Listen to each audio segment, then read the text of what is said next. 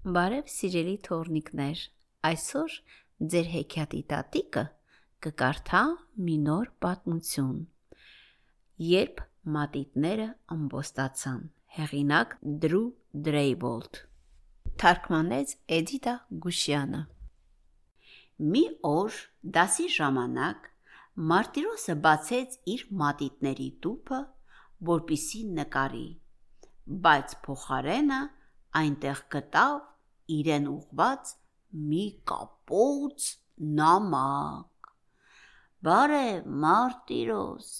ես եմ Կարմիր մատիտը։ Ժամանակն է խոսենք։ Դու ինձ մնացած բոլոր մատիտներից ավելի շատ ես աշխատացնում։ Ամբողջ տարին մաշվում եմ ներկելով հրշեջ մեքենաներ, խնձորներ, ելակներ եւ այլ կարմիր բաներ։ Ես անգամ տոներին եմ աշխատում։ Պետք է բոլոր ձմեր պապիկներին ներկեմ նոր տարուն եւ բոլոր սրտերը Վալենթայնին։ Ինձ մի քիչ հանգիստ է պետք։ Քո հյուծված ընկեր կարմիր մատիտ։ Սիրելի Մարտիրոս, լավ լսիր։ Ես շատ շոյված եմ, որ քո սիրելի գույնն եմ խաղողների, դրակոնների եւ կախարդական գլխարկների համար։ Բայց ես գժվում եմ, երբ իմ շքեղ գույնը վատնվում է գծերից դուրս Եթե չսկսես մոտ ապագայում գծերի մեջ ներկել, ես վերջնականապես կգժվեմ քո շատ կոկիկ ընկեր մանուշակագույն մատիտ։ Սիրելի Մարտիրոս, ես հոգնել եմ լսելով, որ ես շատ բաց շագանակագույն եմ կամ մուգ մարմնագույն որովհետև ես ոչ մեկն եմ, ոչ էլ մյուսը։ Ես բեժ եմ ու հպարտ եմ դրանով, նաև հոգնել եմ պարոն շագանակագույնի կողքին միշտ երկրորդ տեղում լինել։ Արդարացի չի, որ շագանակագույնին են հասնում բոլոր արջերը, ձիուկները ու շունիկները, մինչդեռ ինձ եփված հնդկահավերը եւ ցորենը։ Արի ճիշտ խոսենք։ Երբ ես վերջին անգամ երեխա տեսել, որ ոգևորված ցորեն նկարելիս լինի քո բեժընկեր բեժ մատի։ Մարտիրոս քեզ է գրում մոխրակույն մատիտը։ Դու ինձ սպանում ես։ Գիտեմ, սիրում ես փղերին ու գիտեմ, որ փղերը մոխրագույն են, բայց դա շատ մեծ տարածություն է ինձ համար ամբողջովի մենակ ներկել։ Էլ չեմ ասում ռնգեղջյուրների, գետաձիերի եւ կուշ կետերի մասին։ Գիտես, ինչ հոգնած եմ դրանցից մեկին ներկելուց հետո։ Ձակուկ պինգվիններն էլ են մոխրագույն եւ նաեւ շատ փոքր քարերը, խճաքարերը։ Ինչ կլինի։ Մեկ-մեկ է սրանցից մեկը ներկես, որ ես մի քիչ հանգստանամ։ Քո գերհոգնած ընկեր մոխրագույն մատիտ։ Սիրելի Մարտիրոս, ինչու ես ինձ օգտագործում քո նկարներում Հիմնականում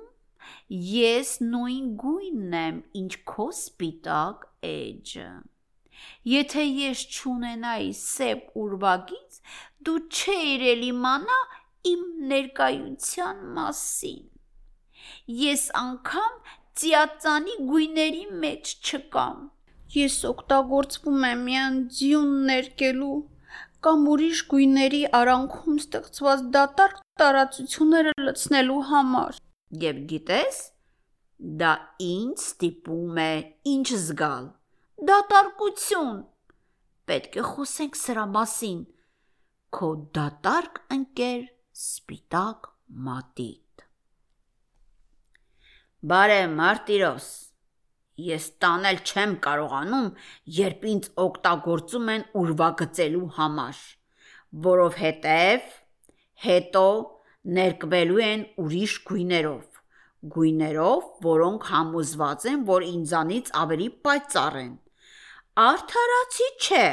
երբ օգտագործում ես ինձ սիրուն գնդակ ուրվագծելու համար, բայց հետո ներկում ես այն մնացած բոլոր գույներով Մեկ-մեկ էլ թող սև գնդակ լինի, էլի, ինչ կլինի։ Շատ մեծ բան եմ խնդրում։ Քո ընկեր սև մատիտ։ Սիրելի Մարտիրոս, որպես կանանչ մատիտ ես գրում եմ երկու պատճառով։ Առաջինը ուզում եմ ասել, որ ես գոհ եմ իմ կոկորտիլոսների, ծառերի, դինոզավրերի եւ գորտերի քանակից Ես խնդիրներ չունեմ եւ ուզում եմ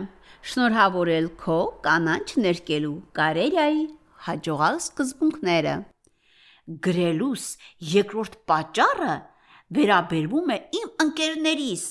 դեղին եւ նարնջագույն մատիտներին, որովհետեւ այլևս միմյանց հետ չեն խոսում։ Երկուսն էլ կարծում են, որ իրենք են արևի իսկական գույնը։ Խնդրում եմ, այս հարցը շուտապույտ լուծես, քո ուրախ ընկեր կանաչ մատիտ։ Սիրելի Մարտիրոս, դեղին մատիտն է գրում քեզ։ Խնդրում եմ, ասա նարնջագույն մատիտին, որ ես եմ արևի իսկական գույնը։ Իսկ նա իսկական գույնը չի։ Ես կասեի, բայց այլևս չեմ խոսում նրա հետ։ Ասեմ ավելին, ես կարող եմ ապացուցել, որ ես եմ արևի իսկական գույնը։ Եթե դու հիշում ես, սիրելի Մարտիրոս, անցած երեք շաբթի դու ինձ օգտագործեցիր նկարչական տետրի մեջ արև նկարելիս եւ իմ պայծառ շողերը տարածեցիր ցորենի դաշտերի վրա. Քո ընկեր եւ արևի իսկական գույն դեղին մատիտ։ Սիրելի Մարտիրոս, տեսնում եմ, այս դեղին մատիտն արդեն խոսել է հա քո հետ։ Այդ նվնվանը, այդ ծվծվանը, ինչևէ, կարող ես այդ պարոն խաբար բզիկին ասել, որ ինքը չի արևի գույնը, այ ես եմ արևի գույնը։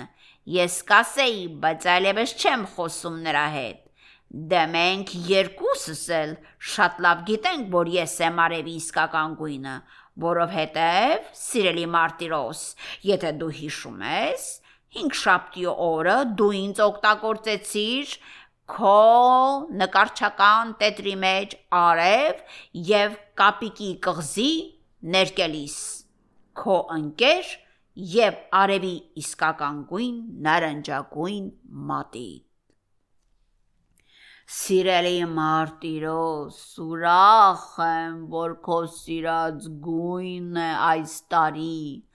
նախանցած տարի, եւ դրանից 1 տարի առաջ էլ Հաճիկով եմ ներկե բոլոր օվկիանոսները քո լճերը, գետերը, անձրևի կաթիլները, ամպերը եւ པարս երկինքները, բայց ցավալին այն է, որ հիմա այնքան կորճ եմ մնացել, այնքան կլոր եմ, որ տուփից դուրս գալ չեմ կարող, շուրջս միայն պատ եմ տեսնում։ Ինձ արցակուրտ է պետք, սիրելի Մարտիրոս, քո շատ կարճ ու կլոր կապույտ մատիտ։ Հիմա մի հատ ինձ լսիր տղա ջան։ Այս տարի ինձ մի անգամ չես օգտագործել։ Ես գիտեմ, Կարծում ես, որ ես աղջկա գույն եմ, չէ՞։ Հա հա հա,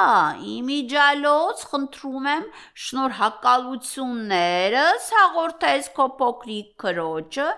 ինձ օգտագործելու համար իր փոքրիկ արքայադուստր նկարչական գիրքը ներկելիս։ Կարծում եմ, որ նա շատ լավ կարողացավ գծերի մեջ մնալ։ Հիմա վերադառնանք մեզ։ Կարող ես մեկ-մեկ էլ ինձ օգտագործել այն հազվադեպ վարթագույն դինոզավրը կամ հրեշը ներկելիս։ Հաստատ նրանք կարիք կունենան մի փոքր վառ գույների, քո չօգտագործված ընկեր վարթագույն մատիտ։ Բարև Մարտիրոս, ես եմ մարմնագույն մատիտը։ Ինչու ես թուղթս հանել։ Ամոթ է, ամոթ։ Հիմա ես մերկ եմ։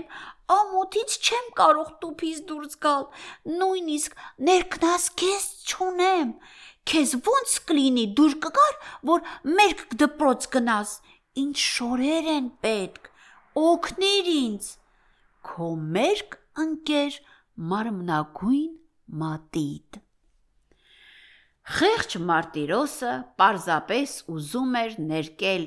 եւ իհարկե ուզում էր, որ իր մատիտները ուրախ լինեին։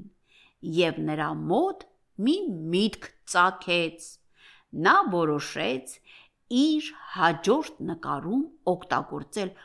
բոլոր գույները։ Նկարեց դեղին երկինք, սև ծիածան, կանանչ ամպ, կանանչ օվկիանոս, սպիտակ փիսո,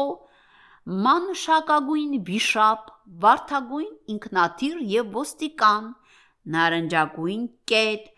բեժ փիղ, շագանակագույն արջ եւ շատ այլ գույնավոր պատկերներ։ Մարտիրոսի ուսուցչուհին նրան տվեց 5-ին գումարած գնահատականը իր ստեղծագործական գաղափարի համար եւ բոլոր մատիտները ուրախ էին ու երջանիկ կարդաց Մարա Բաբոն